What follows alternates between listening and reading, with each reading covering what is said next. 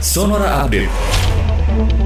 Sahabat Sonora Wakil Ketua DPR Muhaimin Iskandar mengusulkan pemerintah membuat kebijakan yang menolak seluruh kedatangan warga negara asing atau WNA selama masa pelarangan mudik.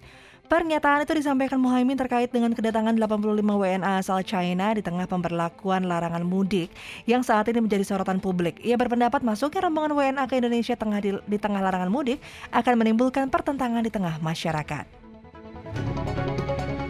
Menteri Dalam Negeri atau Mendagri Tito Karnavian menekankan kepada setiap kepala daerah untuk menjaga protokol kesehatan di wilayahnya masing-masing jelang Hari Raya Besar Lebaran. Tujuannya agar tidak ada klaster baru COVID-19 di daerah yang disebabkan oleh kegiatan keagamaan maupun perekonomian.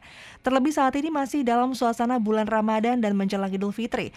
Berdasarkan data menurut Tito, Hari Besar Keagamaan kerap kali membuat kasus COVID-19 meningkat dan pernah terjadi pada Lebaran dan Natal 2020.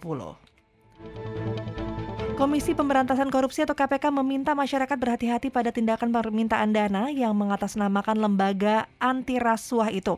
PLT juru bicara KPK Ali Fikri menegaskan baik secara lembaga dan individu, KPK tidak pernah meminta dana apa pun pada masyarakat.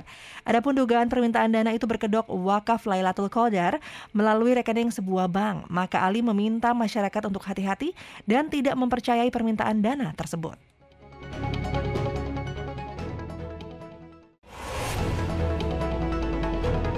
Demikian Sonora Update.